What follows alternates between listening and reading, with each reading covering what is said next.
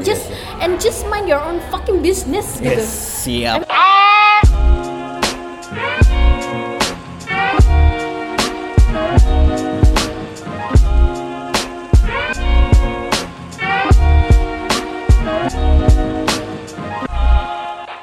Hai guys, selamat datang kembali di Day dan Question Podcast dan kali ini lagi-lagi nih kita mau bikin sebuah podcast yang sangat spesial dan dan kali kita kali ini juga bakal kedatangan nih satu orang bukan satu orang sih satu or satu wanita Wah, yang udah menjadi teman saya lah ya dari tahun 2000 berapa ya 2017 inget tahunnya persis karena ada sesuatu yang Aduh. penting Ada ya sesuatu pada yang- saat itu ya, ya. ada sesuatu yang sangat memorable ya pada saat itu ya gitu.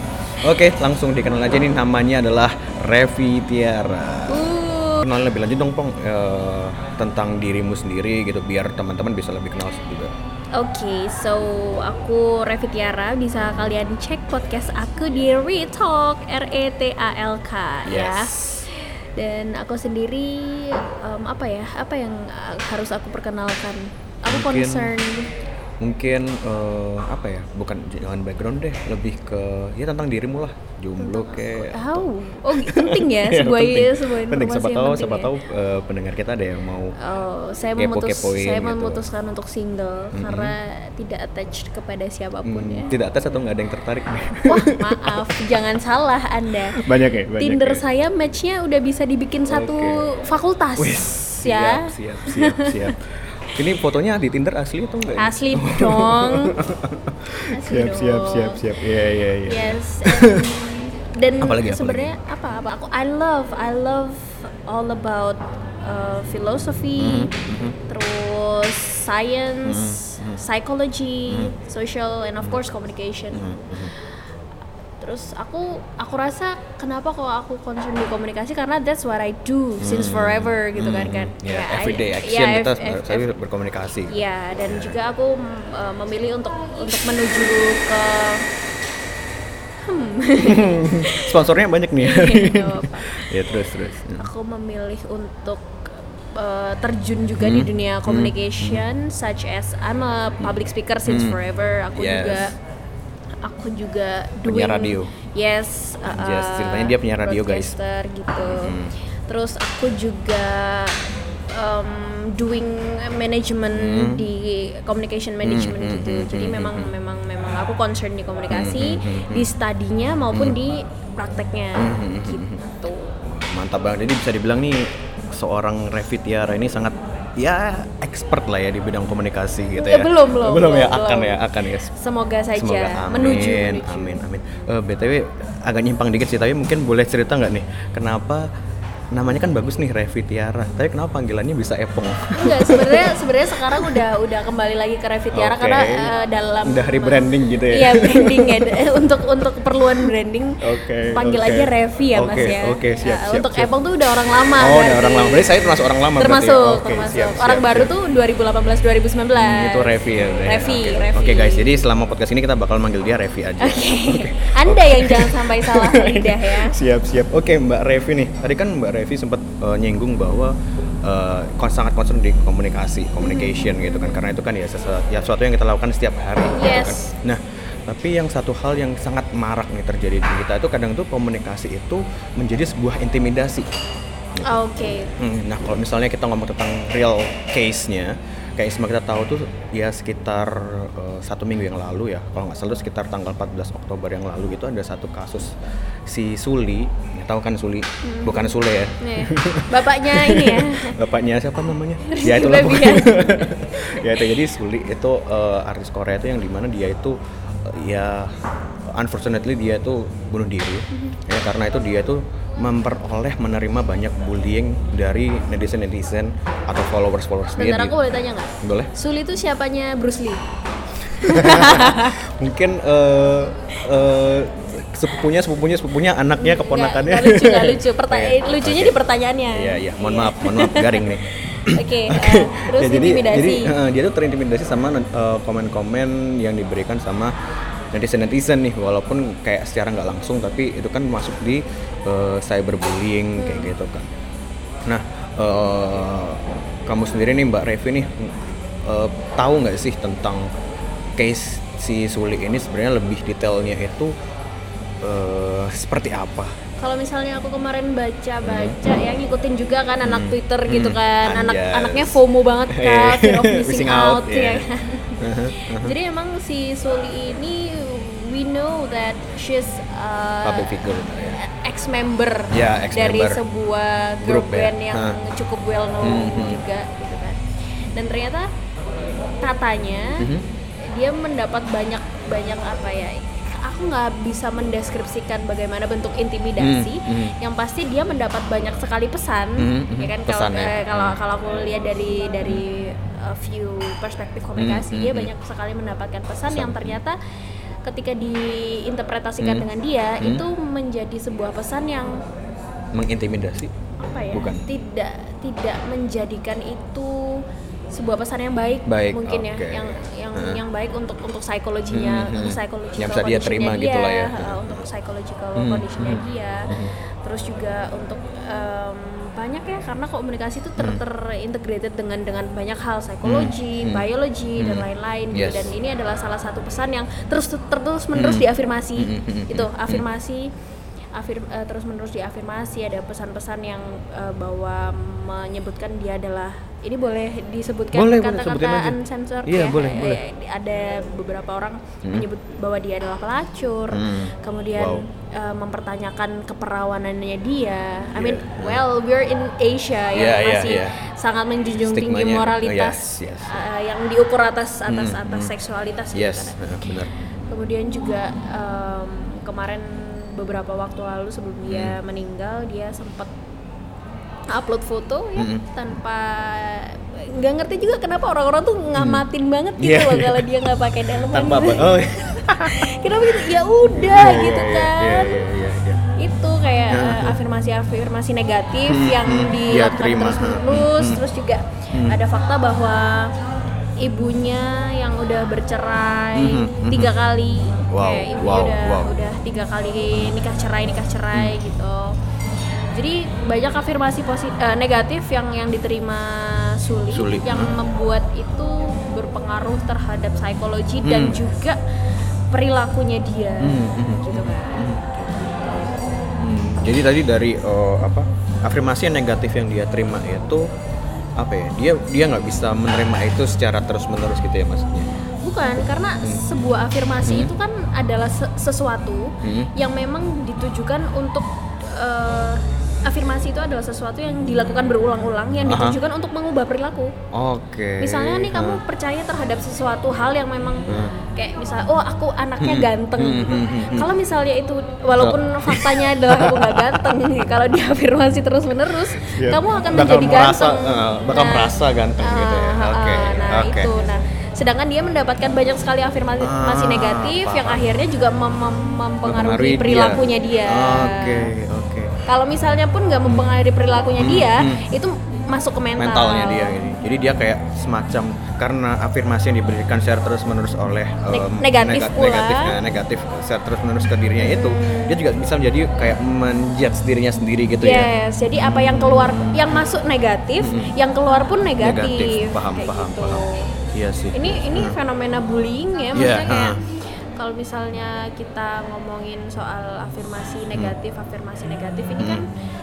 sering banget di di di apa namanya di identitaskan sebagai sebuah bullying. Hmm, hmm, ya, ya, ya, bullying. Nah, ad- bullying tuh banyak juga Yes, kan, ada verbal, Yeah. ada cyber, ini gitu. Fisik juga Fisik ada. juga. Nah, itu itu semua semuanya tuh bentuk komunikasi. Yes, benar. Semuanya adalah adalah sebuah proses komunikasi di mana Hmm, ada imbalance power di situ. hmm, hmm, hmm, hmm. Jadi sebuah komunikasi yang terjadi antara eh, satu pihak dengan pihak la- yang lain hmm. di mana satu pihak ini merasa bahwa dia punya power dan Hmm. satu pihak ini merasa bahwa dia tidak punya power. Aha, aha, aha, aha. Sebenarnya untuk menurut aku Hmm, sendiri hmm, kalau hmm. bisa kita bahas bullying di Hmm, sini. Bullying itu eh, terjadi karena terjadi dua arah. Hmm, ya pasti karena komunikasi part of communication iya, juga iya kan. benar-benar. Ah, Terjadi dua arah di mana si power ini Hmm. mengkomunikasikan powernya dia dan si uh, unpower ini, Ah. powerless ini Ah. mengkomunikasikan ketidakpowerannya Ah, iya, dia iya, gitu paham, kan. paham. nah itu Ki Hmm, hmm, hmm, soal, hmm. soal fenomena bullying Hmm, hmm, sih hmm. Iya sih. Terus eh, mungkin kayak misal kita ngasih eh, contoh lain kali ya. Mungkin yang tadi kan tadi yang si Mbak Revi, eh Kak Revi atau si Revi ini tahu gitu kan. Mungkin kali ini tadi kan lebih ke cyber cyberbullying. Mungkin kali ini kayak eh, yang aku ceritain adalah lebih yang secara fisik, secara langsung, verbal, secara langsung gitu. Jadi waktu itu tuh ada sebuah case juga dan kejadian ini sebenarnya nggak terlalu jauh dari kasusnya si Suli ini gitu kan. Jadi waktu itu ada sebuah sebuah lagi. Seorang bocah ya seorang bocah itu yang di mana dia itu sebenarnya adalah anak yang cukup berprestasi.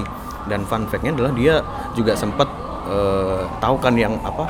Yang kalau misal Jokowi ke kota-kota terus dia kayak kayak eh, Jokowi itu kayak apa namanya? Iya, hmm, iya, ngasih pertanyaan-pertanyaan ke anak-anak anak terus kalau misalnya bisa jawab ya? ah, terus dia dapat sepeda. Nah tahu nggak? Ternyata dia itu salah satu anak yang pernah dapat sepeda dari Jokowi ini dia itu bunuh diri. Iya iya iya aku sempat dan alasannya itu karena sebenarnya sebelumnya sebelumnya dia itu bunuh diri itu sempat ibunya itu almarhum ibunya almarhumah ibunya itu dianiaya oleh ayahnya. Gitu. sampai sampai ibunya itu meninggal. Iya, iya. kayak gitu kan. Nah karena karena kasus pembunuhan ini akhirnya si ayahnya itu di ditangkap ditahan dan dipenjara Nah semenjak ayahnya ini ditahan, gitu, dia itu secara terus menerus dibully oleh teman sekolahnya dan juga lingkungan keluarganya dia. Bayangin dari keluarganya sendiri pun itu tuh juga membuli dia karena ayahnya adalah seorang pembunuh, seorang narapidana, gitu kan. Karena itu juga dia tadi kayak afirmasi negatifnya itu Iya, terus menerus iya. dia terima secara langsung ya, apa verbal secara langsung dia terima dan akhirnya dia tuh merasa tertekan dan jadi kayak dalam dirinya tuh isinya negatif semua gitu. Bayangkan seorang anak yang berprestasi itu menjadi sangat negatif seperti itu gitu kan. Dan akhirnya setelah dia nggak bisa menahannya lagi, dia itu akhirnya menul- menuliskan sebuah surat yang dia tunjukin ke tantenya dia ya kan tantenya yang dia yang menjaga dia setelah ibunya meninggal dan setelah ayah, ayahnya di penjara itu bahwa kayak dia ngucapin terima kasih ke tantenya atau budenya itu terus dia sempat nulis bahwa dia minta maaf dia belum sempat membalaskan kematian ibunya bayangin sampai segitunya dan itu adalah itu itu itu maksudnya kayak Hmm? ya that's that's really uh, the effect of negative Iya, affirmation, affirmation, yes. ya kan? Heeh, heeh. Dan akhirnya setelah dia menulis surat itu dia akhirnya bunuh diri. Wow, like dari sini kita bisa ngelihat bahwa em, bahayanya dari afirmasi negatif yang kita terima atau bahkan kita tujukan ke orang lain itu dampaknya itu bisa menyebabkan ke mentalnya itu sangat teramat dalam gitu. Bayangin Iya. tadi kan Suli adalah sebuah seorang public figure yang bisa dibilang sukses juga. Terus ini si anak yang pernah dapat sepeda dari Jokowi ini juga terkenal berprestasi. Dari prestasi yang mereka punya, akhirnya mereka bunuh diri karena mentalnya itu nggak kuat menerima afirmasi negatif lagi. dan itu cuma karena verbal Iya, verbal iya, verbal, verbal dan kind of cyber, kan? Ah, ah, ah. Yes. cuma hanya karena kata-kata Iya doang kata-kata doang gitu kan dan wow it's very powerful buat menjatuhkan mental orang kayak gitu. Dan sesepele itu maksudnya kita kalau misalnya lihat Suli gitu ya Hmm, hmm. Suli tuh apa apa sih Hmm, gitu hmm, dia yang hmm, nggak hmm. punya apa sih Iya, kalau iya. misalnya mau Secara sesuatu ekonomi, juga kan. eh, se- secara sesu- mau mau mau minta apa pun Hmm, hmm. mau melakukan apa pun Iya. juga dia pasti bisa banget Yes, gitu kan of course. uh-uh. dan ini sebuah sebenarnya dua fenomena yang berlatar belakang beda, Beda, uh-uh. kemudian eh, dari sosial, sosial, ekonomi, iya. juga beda. Berbeda. dan tapi dengan alat, Alat yang sama, karena bisa iya. membunuh dua-dua Yes, orang Yes, exactly. Dan um, mungkin kayak kita bahas lebih lanjut sih, lebih ke afirmasi negatifnya itu, gitu kan. Nah, menurut Mbak Revi nih, kira-kira kenapa sih sebuah afirmasi negatif itu bisa kita terima? Atau kita di sini mungkin sebutnya lebih familiarnya adalah bully itu. Kenapa sih kita tuh bisa menerima bully? Kenapa kita bisa menerima bully Hmm. itu? Karena kita kita menunjukkan Mhm. kepada kita me- mengeluarkan Hmm. kita mengkomunikasikan, kita mengkomunikasikan entah verbally or non verbally sebuah ketidak itu uh, sebuah powerless itu Hmm, tadi. iya, iya, Jadi tadi, uh. uh, makanya ketika ke- ketika kamu tidak menunjukkan keadaan powerless Hmm. itu tidak akan terjadi bullying karena bully bullying itu ada ada ada adalah sebuah proses komunikasi juga Hmm. yang terjalin dua arah. Ketika cuma ada pembuli tapi nggak ada yang dibully, Kan nggak mungkin, mungkin. bisa. ya Masa kan? tembok tembok kok rata sih Tapi nggak bisa gitu. kan. Iya iya Nah, iya. itu itu sih. Jadi banyak juga kan kalau misalnya kita ngobrol soal bullying, Nah. banyak banget sebenarnya Yes. eh, macam-macam bullying. Aha, aha. Ada penindasan secara Fisik, fisik. nah. Terus ada verbally Hmm, juga, hmm, hmm. intimidasi sosial kayak Aha, misalnya eh, misalnya ini geng-gengan Hmm, oh tuh iya, salah iya, satu iya, iya. Ini Intimidasi sih sosial. bullying bullying, bullying yang Bullying yang juga. berbentuk Ah. intimidasi sosial kayak jangan eh, jauh dia dia nggak secara langsung mengatakan terhadap eh, mengatakan ke orang yang Hmm. Dibully tapi dia em, mengatakan pada sosialnya kayak nggak usah deketin Ah, anak itu kayak jauhin aja gitu ya. ya itu Ah, salah ah, satunya ah, gitu ah, salah satunya kayak gitu yes yes yes yes kemudian juga eh, cyber Oh, itu iya, tadi iya. kita tahu kan itu sih karena ya maksudnya gimana caranya gimana caranya supaya kita Hmm. nggak dibully Hmm. ya posisikan kamu sebagai orang yang powerful Hmm, bukan yang powerless gitu ya. ya Yes, yes, ya yes, yes. itu mhm, mhm. Nah, tapi kan gini, eh, terkadang kan kita eh, nggak bisa mengontrol dalam arti, misalnya kita udah mencet di dalam diri kita, kita udah ngira bahwa kita udah powerful. Mhm. Tapi mung- mung- mungkin bisa jadi kan di mata orang lain kita masih dinilai kita masih powerless kan, betul betul ya kan? Nah, sekiranya tuh sebenarnya kenapa sih orang lain selain kita? Misalnya kita udah ngerasa powerful tapi orang lain tuh bisa lebih ngerasa lebih powerful dari kita kita kenapa sih dia itu bisa sampai ngerasa seperti itu sehingga mereka itu pembuli-pembuli itu itu bisa ngebully kita? Gitu. Sebenarnya tuh ada beberapa beberapa alasan Hmm, kenapa hmm. sih orang membuli Iya, gitu iya, kan. heeh. Salah satunya adalah mungkin itu tadi seseorang yang terus-terusan mendapat afirmasi Iya, negatif heeh, dari heeh. sosial atau Heeh, dari mana pun ingin juga merasakan untuk memberikan, Memberikan, ah, afirmasi afirmasi neg- negatif, negatif. tapi Ah. unconsciousness Heeh. dia nggak eh, dia nggak tahu kalau itu adalah afirmasi negatif Ah, gitu loh. Karena itu yang dia dapat Dapat, saat ya. konsumsinya dia itu dia nggak tahu itu negatif atau Hmm, positif ya udah dia dia keluarin aja. Pokoknya apa pun yang aku terima aku kasih ke orang-orang Hmm, juga. Itu salah satunya. Kemudian eh, ada juga karena memang ada disfungsi keluarga ya Hmm, kalau yang aku konsum juga beberapa waktu ini bahwa keluarga itu adalah atom of society. Yes. Bagaimana seseorang bertingkah laku di sosial itu dipengaruhi sangat sangat sangat sangat dipengaruhi oleh Keluarga. bagaimana keluarga membentuk seorang individu Hmm, ini hmm. gitu. Jadi ketika eh, ketika seseorang ini melakukan kegiatan pembulian, hmm. ya itu tadi that's that's what they got Hmm. all this time. yes gitu yes kan. Hmm.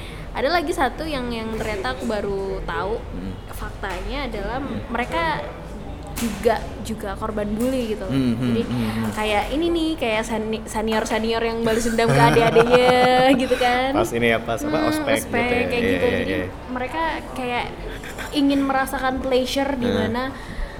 Gue dulu dibully Bully, kok uh, uh. gitu gue harus balas dendam iya, yes, dong yes, kayak yes. gitu Uh, uh, uh. untuk ajang balas dendam Ha, ha, aja. Hmm, hmm. Nah, eh, tapi kayak eh, tadi kan kayak rasa balas dendam itu tadi kan. Hmm. Nah, sebenarnya eh, Mbak Revi tahu nggak sih kenapa sih kita itu bisa merasakan seperti itu? Kita pengen balas dendam untuk melampiaskan apa yang pernah kita alami ke orang lain gitu sehingga kita punya eh, kenikmatan Ke- itu tadi kecenderungan, Kecenderungan ya tadi. kecenderungan ha. kenapa kenapa kenapa kita ha. harus balas Ha, dendam gitu ya.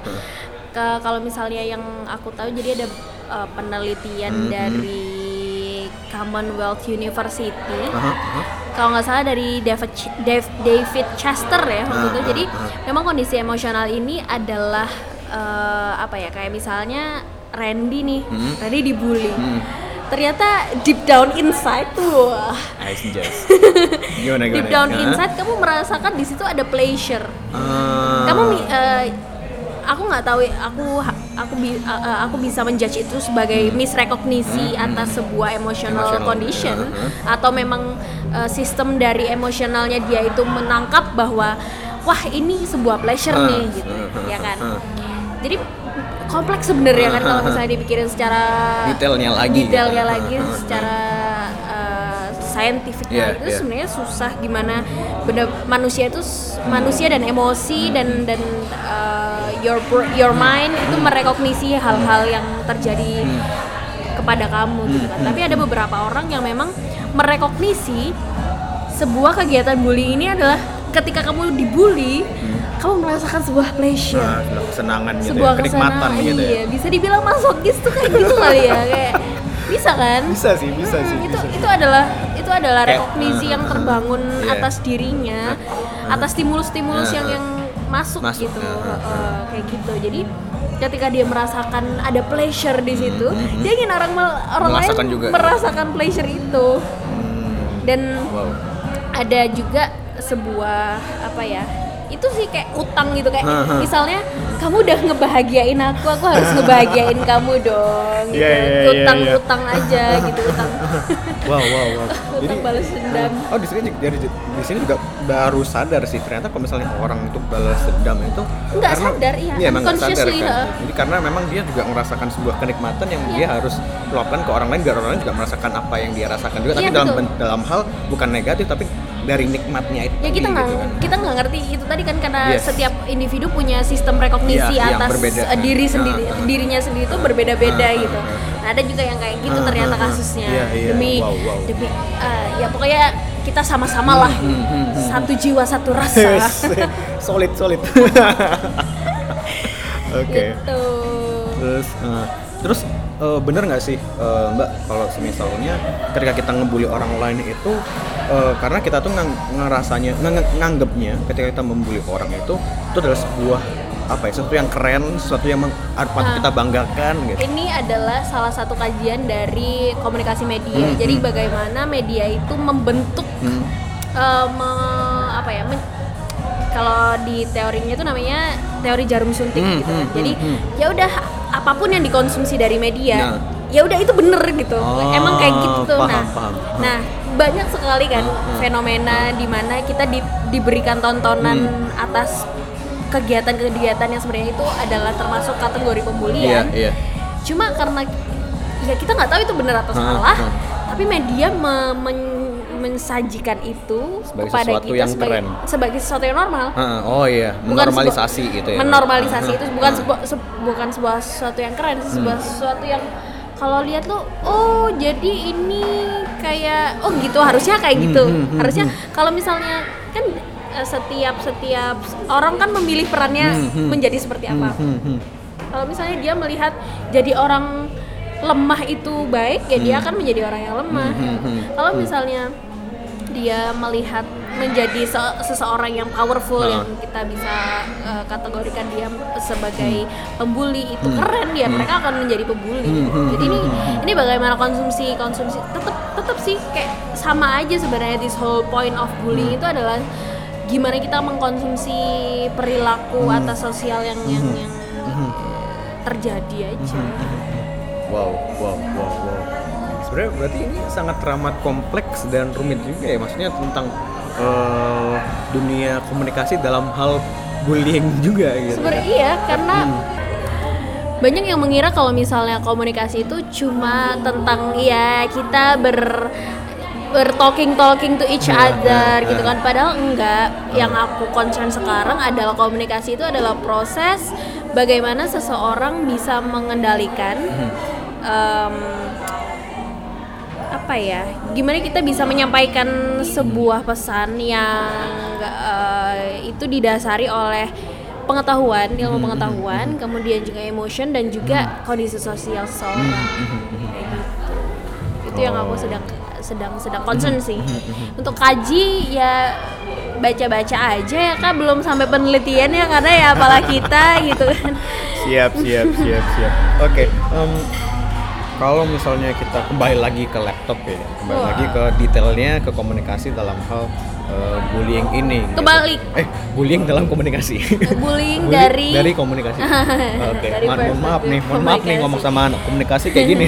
harus jelas ya bagaimana harus jelas, tepat dan Betul. pilihan katanya harus benar ya, Betul, diksinya harus betul. benar iya, ya. makanya komunikasi itu nggak nggak cuma nggak cuma ngobrol doang, tapi Tata bagaimana kamu ya. iya bagaimana itu in- terintegrasi dengan bahasa juga ilmu Oke. bahasa, Oke, ilmu siap, siap, and siap, everything gitu susah kan makanya kamu jangan ini jangan meremehkan semua hal-hal yang terlihat remeh ternyata tidak remeh ya.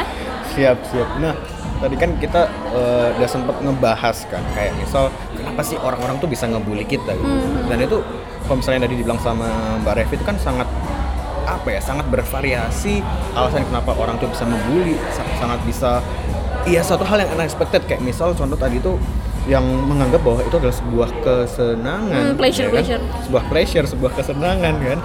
Terus jadi kayak banyak faktor ternyata yang menyebabkan bahwa orang itu bisa membuli gitu kan. Nah, karena kita juga nggak bisa ngerti kan, eh, maksudnya kita nih, kalau misalnya kita memposisikan diri kita sebagai eh, yang akan menerima bully, kan kita kan nggak bisa mengontrol nih, kan kita nggak bisa mengontrol dan kita nggak bisa memahami orang yang bully kita tuh backgroundnya apa sih, Iya. alasan di balik itu mereka tuh kayak gimana sih. Nah, mungkin ada tips nggak sih, eh, Mbak, kalau misalnya gimana sih kita sebagai penerima bully dalam hal kita apa ya menanggapi bulian yang kita terima dari orang lain itu. Tipsnya adalah karena saya nggak pernah dibully ya. Iya ini serius sih. Jadi ada Kayak- yang termasuk yang powerful. Tep- nah, karena saya mengafirmasi diri Ah, saya ah, sebagai orang yang, cukup punya power Yes, gitu. I have yes, yes. I have power to control all my own and Ya, my ah. my apa ya? my society gitu kayak aku mem aku menempatkan diriku untuk berperan sebagai seseorang yang punya power gitu. Yes. Jadi ketika ada benih-benih bully yang akan yang aku rasa akan datang ke aku, aku aku nggak peduli sih kayak Hmm, hmm. orang tuh itu itu tadi sebuah pleasure atas Hmm, eh, mungkin kayak orang tuh ngegoda-godain orang tuh kan nggak sadar tuh kalau sebenarnya mereka ngebully gitu Hmm, Iya, ya. iya. Nah itu kan ada pleasure di situ. Hmm, I don't give the I, I- I- aku nggak menerima respon itu sebagai bully sehingga mereka tidak akan men- mendapatkan s- pleasure Apa- itu. eh, mendapatkan kesempatan buat meneruskan buliannya mereka gitu. Betul, Oke, betul, oke, oke. betul. Jadi kayak gitu. Semakin aku rendah, semakin ketika orang sekarang ini aja sih kayak kita analogikan aja. Semakin orang eh, merendahkan kita dan kita, Hmm. Kita juga ikut ikut merendah. merendah gitu. Kita nggak ngelawan. Hmm, mereka ya, bakal- eh, eh, mereka kita akan diinjek-injek Hmm, gitu hmm, aja hmm, sih hmm, sebenarnya. hmm, hmm, hmm, gitu kan. Just and just mind your own fucking business gitu. Yes, siap. I mean for for Wih, for siap. those who, who do bullies and, and Hmm. for those who uh, who've been bullied, Bullied. gitu kan Hmm.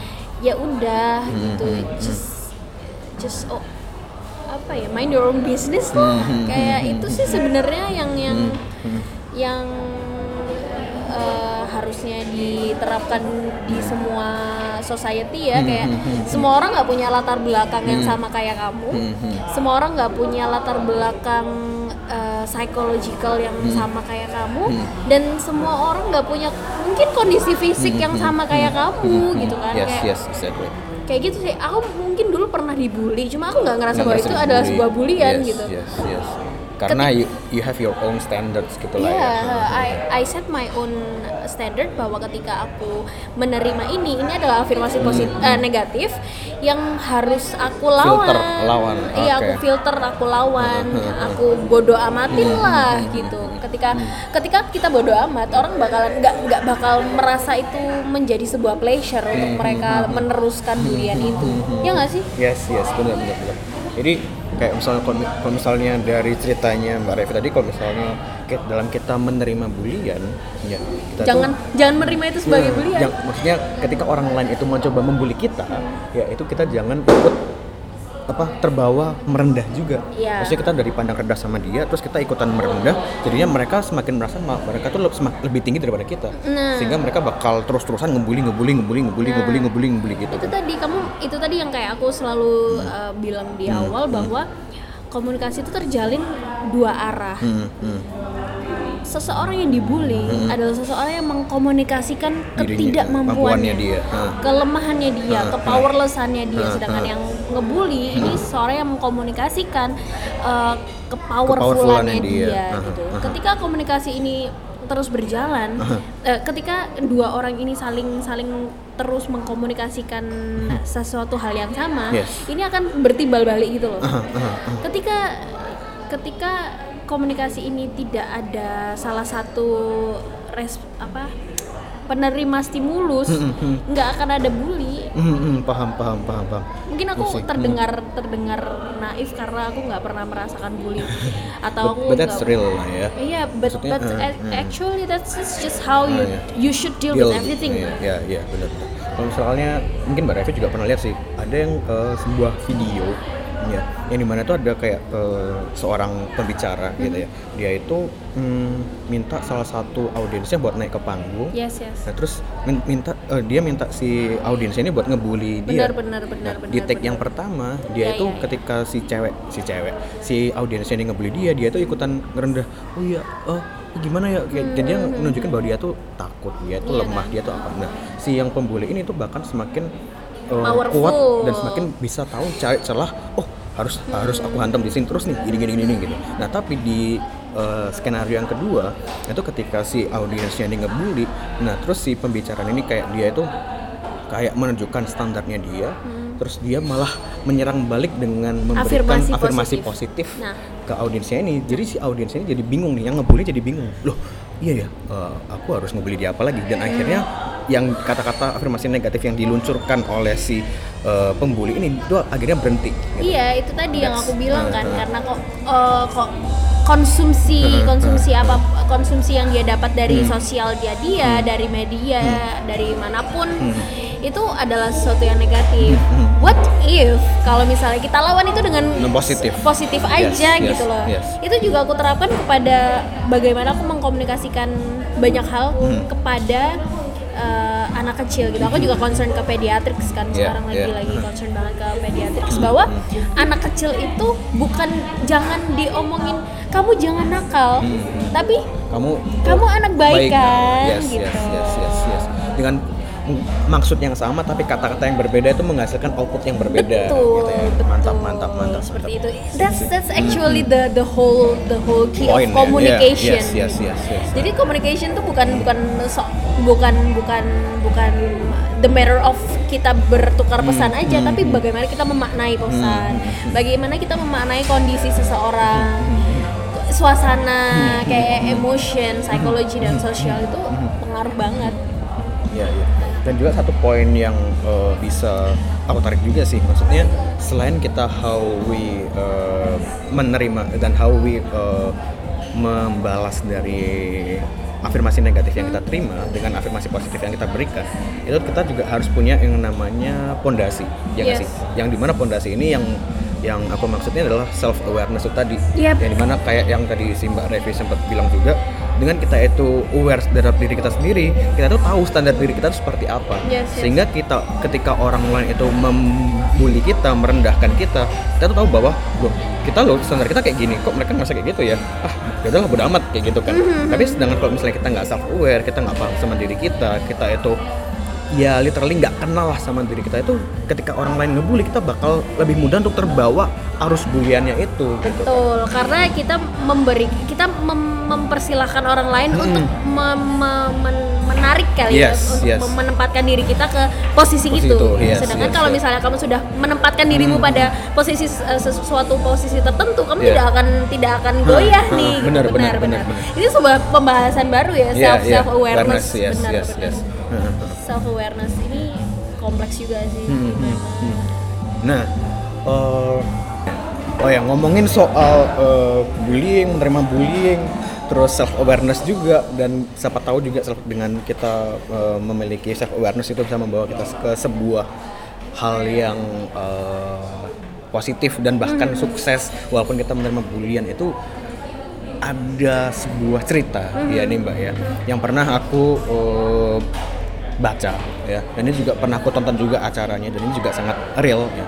Jadi ada satu eh, youtuber dan juga seorang model yang ternyata dia itu tunarungu. Oke. bayangin nih tunarungu ya. Dia dia eh, dilahir dari lahir dia sudah eh, tuli atau nggak bisa mendengar atau eh, tunarungu gitu kan. Nah Jadi eh, dia ini kalau namanya adalah Amanda siapa ya? Oke Amanda Amanda siapa itu Eh, aku lupa gitu kan. Kemarin tuh sempat diundang ke Tran eh nyebut merek lagi ke salah satu TV stasiun TV gitu kan. Nah kalau misalnya kita lihat di konten-kontennya dia, konten-kontennya dia tuh selalu eh, menggunakan bahasa isyarat ya karena itu tadi dia adalah eh, tunarungu gitu kan. Nah dibalik kesuksesannya dia yang sekarang sudah jadi seorang model, seorang youtuber, dia itu dulu waktu dia kecil dia itu nggak masuk ke SLB atau sekolah luar biasa yang di mana khusus penyandang disabilitas. Hmm, oh jadi eh, dia terjun ke dunia masyarakat. dunia biasa kan ke ke sekolah yang Yes. bukan untuk kebutuhan khusus gitu kan. Nah dan dia itu awalnya eh, dia nggak bisa nggak bisa apa namanya nggak bisa menerima pelajarannya dengan baik. Karena kan eh, gurunya mengajarkan seperti untuk orang-orang normal gitu kan. Nah tapi hebatnya dia bisa meng eh, catch up dengan eh, pelajaran-pelajaran yang ada nah tapi selama dia ada di sekolah yang biasa itu bukan sekolah luar biasa ya itu tuh dia selalu menerima bulian gitu. Jadi- Karena kondisinya itu Heeh, tadi. heeh. jadi teman-temannya dia, teman-teman sekolahnya dia tuh selalu eh, menghina dia sebagai budek Hmm. atau budek itu tuli. Budek tuh bahasa Indonesia tuh. Bahasa ada bahasa Indonesia. Indonesia ya, bahasa Indonesia ya. Jadi budek eh, dalam arti eh itu tuh si budek tuh kayak gitu kan. Contohnya kayak gitu. Nah, awalnya tuh dia nggak ngerti gitu kan. Nah, tapi ketika karena kan dia kan eh, tuli kan. Nah, tapi ketika itu ada suatu ketika di mana temannya itu membuli dia dalam bentuk kayak tulisan itu. Nah awalnya dia tuh nggak ngerti apa itu arti budek gitu kan. Nah setelah dia tanya ke orang tuanya, akhirnya orang tuanya menjelaskan bahwa budek itu adalah artinya adalah tuli, gitu kan. Nah setelah dia mengetahui bahwa arti budek adalah tuli, dia tuh mulai merasa tertekan, Oke. tertekan karena wah anjir teman-temanku nggak menerima eh, kondisiku yang seperti ini gitu. Justru kondisiku yang lemah ini dalam tanda kutip ya lemah ini itu dijadikan sebuah eh, hal untuk menjatuhkan Karena waktu itu dia Ah. merasa bahwa uh, being tuli itu adalah sebuah kelemahan Yes, gitu yes, ya. yes. Kar- Sehingga dia dia menerima afirmasi itu sebagai imbalance power itu tadi. Yes, benar benar. Dan eh, seiring dengan berjalannya waktu, dia itu menggunakan waktunya untuk mengeksplor dirinya lebih dalam lagi. Gitu kan. Jadi setelah dia menerima bulian itu, dia kan tertekan. Nah, tapi dia men- mentransformasi tekanan itu jadi sebuah motivasi untuk dia tuh lebih memahami dirinya lagi. Yes. Sampai akhirnya kalau nggak salah pas dia SMA atau SMP itu dia paham nih, oke, aku itu pengen jadi model aku tuh pengen jadi influencer. Ya di mana dengan kelemahan yang aku punya ini ternyata aku tuh bisa bisa kok melakukan hal yang orang normal bisa. Aku tuh bisa kok menginspirasi orang lain. Dia tuh pengen jadi orang yang seperti itu. Dan akhirnya dia sudah tahu nih dia sudah paham sama dirinya seperti apa dia sudah tahu tujuannya seperti apa dan akhirnya dia mengarah ke sana. Dan lagi-lagi banyak uh, masyarakat yang nggak menerima dia jadi ketika dia sudah kelar SMA atau kuliah ya aku lupa. Dia tuh kan mulai daftar nih uh, jadi model di uh, sebuah maja- beberapa majalah. Dan kebanyakan majalah itu menolak dia. Karena dari kelemahan yang dia punya. Sampai akhirnya dia nggak nyerah nggak nyerah gitu aja. Dia uh, daftar terus ke majalah yang lain yang lain yang lain sampai akhirnya ada satu buah majalah yang ternyata melihat potensinya dia melihat talentanya dia. Akhirnya dia majalah itu pun menerima dia dan akhirnya si Amanda ini jadi sukses karena jadi model di majalah itu dan akhirnya sekarang dia jadi youtuber juga yang subscribernya udah 46 juta kalau nggak salah Nah itu itu mungkin kalau misalnya kita ini udah didengar banyak orang gitu kan, mungkin Hmm. banyak yang ngerasa bahwa ah lo nggak ngerti gimana gimana rasanya dibully Yes, atau yes. lo nggak ngerti gimana rasanya jadi korban. Hmm. Oke mungkin kita nggak ngerti but we observe, Hmm, hmm. right? Yes, Kayak yes. kita kita observe gimana sih eh, perilaku pola-polanya kayak Hmm, gimana, hmm, and that's true gitu. Kalau misalnya memang kamu bisa menempatkan dirimu ke dalam peran tertentu yang yes kamu sudah bisa berdiri secara Aha, secara aha, kokoh gitu ya, Dok. kokoh secara kokoh kamu tidak akan ter Goyahkan. tergoyahkan Mhm. oleh arus-arus negatif Yes, tadi yes. kalau misalnya kita kaji dari kasusnya Mbak Amanda ini tadi ya Hmm, hmm. Kalau misalnya dari pertama dia menempatkan diri sebagai seseorang yang memang tuli Hmm. dia di- dikatain buruk dia harusnya nggak masalah Iya, karena iya. memang that's that's the That's fact point. Nah, Iya kan? Kalau iya. misalnya aku aku waktu itu aku pernah di aku pernah dibilang kalau rambutku keriting kayak sapu ijuk. ya emang. Ya, emang Terus kamu mau apa? Mau apa? There's Iya, nothing iya. you can do about Yeah, it. yes yes yes Iya yes, kan? yes Akhirnya uh, aku menemukan sebuah cara Hmm. untuk uh, untuk me- mengubah penampilanku aku potonglah rambutku Hmm. aku rawat aku akhirnya rambutku sekarang menjadi se- sesuatu yang yang yang bisa dibilang banyak orang suka Yes, gitu tidak Maksudnya- mendambakan orang lain ya. Apa? tidak mendambakan orang lain. Eh, betul sekali. Nggak maksudnya that's, that's uh, iya. salah satu contoh aja Hmm, gitu. hmm, Ketika di mana kamu berani untuk mengakui sesuatu yang memang you lack of, Yes, yes, yes, ya kan? yes. dan menjadikan itu bukan sebuah bukan menjadi sebuah kelemahan, tapi memang nggak ada yang sempurna di Iya, dunia yes, ini yes. gitu kan. Iya, That's kita harus just- menerima itu. Kita harus accept your itu kan. Yes, aja yes, yes, yes. gitu. Dan ya udah ketika kamu bisa menerima itu pasti ada solusi atas, Yes. atas sesuatu yang memang kamu dan orang-orang lain anggap Hmm. kurang, kamu bisa me, me- transformasi itu sebagai sebuah, sebuah aksi yang Iya. di mana membuat kamu menjadi seorang yang lebih dari itu Ya, gitu kan bahkan lebih Iya. dari itu yes, gitu kan yes. Betul, itu tadi Iya maksud sih. aku kayak jadi intinya kalau misalnya kamu tidak ingin dibully jangan memposisikan kamu sebagai seseorang yang bisa dibully bisa dibully yes yes orang tahu kok di mana posisinya ketika eh ini anak bisa dibully Hmm, hmm, hmm, karena hmm. itu tadi eh, kita tunjukkan, iya, pengkomunikasian komunikasikan kelemahannya. kelemahan itu tadi iya iya iya mantap mantap mantap jangan mengkomunikasikan kelemahan kamu adalah orang yang kuat Anjir. Oke. Oke, jadi kalau misalnya sebenarnya ini udah sangat menjawab lah ya, menjawab. Kita udah nemu ini jawaban dari segala bulian yang ada, kenapa orang bisa membuli, kenapa dan gimana kita menerima bulian dan gimana dan contoh realnya orang-orang yang dibully itu ternyata juga bisa jadi sukses gitu kan. Betul, jadi kalau misalnya kita bisa simpulin bareng-bareng ya, kita pertama kita tuh nggak bisa tahu background orang yang membuli kita itu seperti apa kita tuh nggak bisa tahu ah, motif mereka membuli itu apa karena Dan- sangat amat ber- bervariatif kan betul ketika- betul dan kalau misalnya aku ya I pity those who do negative things karena itu, cuma itu yang mereka tahu Hmm. yes yes yes Jadi untuk kalian semua pembuli di luar sana, I pity you. Ini Ya, aku itu. membuli kamu. anjir ya karena maksudnya kayak konsumsi kamu adalah uh, Sesuatu yang negativity. Jadi ha. kamu seharusnya ha- segera sadar Nah, dan mentransformasi itu merubah dirimu untuk me- me- apa ya lebih nge-spread sesuatu yang positif Iya. gitu kan daripada Iya, sesuatu iya. yang negatif diumbar-umbar mulu gitu Iya. karena believe it or not lama-lama kalau misalnya yang eh, yang kamu keluarkan terus-menerus adalah negatif ntar dirimu lah bakal yang terjerem cer- terjemerembab diriku sendiri gitu kan ya kan mungkin awalnya motifnya adalah kamu merendahkan orang lain Banyak ya tapi motifnya, lama-lama tapi lama-lama kamu sendiri yang bakal menenggelamkan dirimu di sana gitu betul betul. dan juga eh, hal kedua yang bisa kita simpulin adalah karena kita nggak bisa mengetahui eh, motif orang itu seperti apa ketika kita menerima bulan itu ya kita jangan eh, memposisikan kita sebagai orang yang benar-benar bisa dibully Bully, gitu kan. Dan dan kunci awalnya adalah kita harus self aware kita harus paham sama diri kita gimana kita harus paham eh, ya jelek-jeleknya diri kita gimana Hmm. dan juga jangan lupa kita juga harus paham ba- kebagusan diri kita tuh apa Yes gitu yes. kan. Jadi itu itu yang hmm, harus di ha- yang harus di embrace. hmm, hmm, hmm. dan juga kata, kayak katanya Mbak Epong eh Mbak Epong mohon maaf Mbak Revi tadi.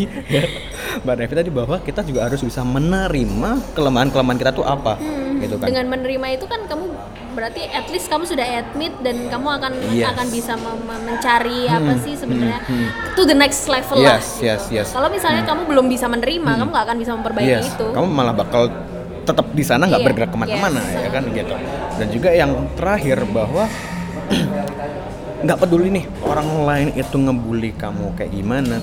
Nggak peduli nih orang ngerendahin kamu kayak gimana. Yang terpenting adalah apa yang bisa kamu lakuin ya kan mbak ya? Kayak tadi kayak yang dikasih tahu sama em, kayak ngasih tahu sama si mbak Epong Sama itu masnya iya yang sama masnya yang lagi nge-green kopi. biji kopi. Gitu itu eh, kayak yang kasih tahu tadi itu bahwa em, apa namanya ketika setelah kita menerima eh, bulian itu tuh apa yang kita lakukan setelahnya itulah yang bakal menentukan kita ke depannya tuh mau jadi apa. Iya. ya kan? Kayak misalnya tadi si Mbak Amanda juga dia menerima bulian bahwa dia tuh budek dia tuh tuli gitu kan. tapi setelah itu dia mentrans mengeksplor dirinya seperti apa dia tahu tujuannya sampai apa dan dia bergerak ke sana. Sampai iya nih aku lupa. Sampai nih ketika mereka itu reunian teman-temannya yang dulu ngebully dia itu sampai bilang minta maaf kalau dia itu mereka tuh dulu ngebully si Mbak Amanda ini Itu itu tadi ketika Iya kan? ketika power ini sudah Ha-ha. dirasa Ya, dia ha. memang sudah punya power ya. there's Iya. nothing Yes, yes. nothing really matter Hmm. gitu. Karena percaya atau enggak, orang yang sekarang ngebully kamu, orang yang sekarang merendahkan kamu, ntar ujung-ujungnya dia bakal muji-muji kamu kok, bakal nyembah-nyembah kamu kok. kalau Kalau kita melakukan sesuatu yang benar, melakukan sebuah aksi yang di mana mentransformasi diri kita menjadi ke arah yang sebenarnya, ke arah yang baik gitu kan, ke arah yang positif gitu kan. iya wah. Tuh, seru mantap. sekali hari Seru ini ya. sekali hari ini. sepertinya harus dilanjutkan kita bahas self Harus. awareness Iya, self awareness. Iya. Mungkin di episode berikutnya. Bang, kalau kita masih berkesempatan Baik. untuk bertemu ya. Iya, semoga masih berkesempatan kalau begitu. Iya. Wah. Oke, thank you Randy. Iya, iya. Ini sebuah apa ya, salah satu podcast yang nyantai tapi power uh, uh, fruitful juga sih buat kita semua guys dan uh, terima kasih juga buat Mbak Revi yang sudah mengisi menemani sih bukan mengisi ya mengisi hariku anjas dan Aduh. menemani kita bareng-bareng di Ya sini pokoknya tadi apa carbonara saya dibayarin nanti. Kalau bisa saya nambah es kopi. Aduh, aduh, aduh, waduh. Itu itu ini ya guys ya. Itu deal-dealan di luar ini ya guys ya. Wadaw. ongkos, ongkos. Ongkos. Oke, eh, seperti biasa. Eh, terima kasih saya eh, aku juga mau terimain ter- ngucapin terima kasih buat kalian semua yang selalu mau berjuang menghadapi kehidupan yang memang nggak gampang menghadapi kehidupan yang rumit Semangat. karena karena semua permasalahan semua eh, hal-hal yang kita hadapi itu ada untuk selalu ditemukan jawabannya Oh, eh, betul. Yes, yes, Wah, itu suka yes. saya, suka saya. Yoi, betul, yoi. betul. Iya, iya. Itu itu adalah salah satu salah satu motivasi saya untuk bertahan Yeah, hidup satu hari mantap. lagi kayak Weh, yes. wah, I still have some question to answer yes, gitu. yes, betul, yes, betul, yes. betul, betul. Nah, keren, it- keren. itulah keren, kenapa ada yang namanya Dayton Question ya. keren. promo, promo. Lagi promosi padahal nih. Oh, iya bener lu. Oke oke iya iya iya nggak apa oke kalau udah gitu aja guys Eh, sampai ketemu di podcast berikutnya jangan lupa eh, follow Mbak Revi Instagramnya di R E V I Tiara. Mhm. Z sama podcastnya juga yang di Retalk. Retalk Hmm. dan juga jangan lupa pantengin konten kita di Instagram di Medium di podcast Oh, podcast kamu kita juga do medium ya? yes Oke, waduh cool. gimana mbak kok nggak update sih Ya maaf, saya udah saya lagi detox Oh, iya. Instagram. siap siap siap oke kalau gitu thank you guys sampai ketemu di episode berikutnya. Dadah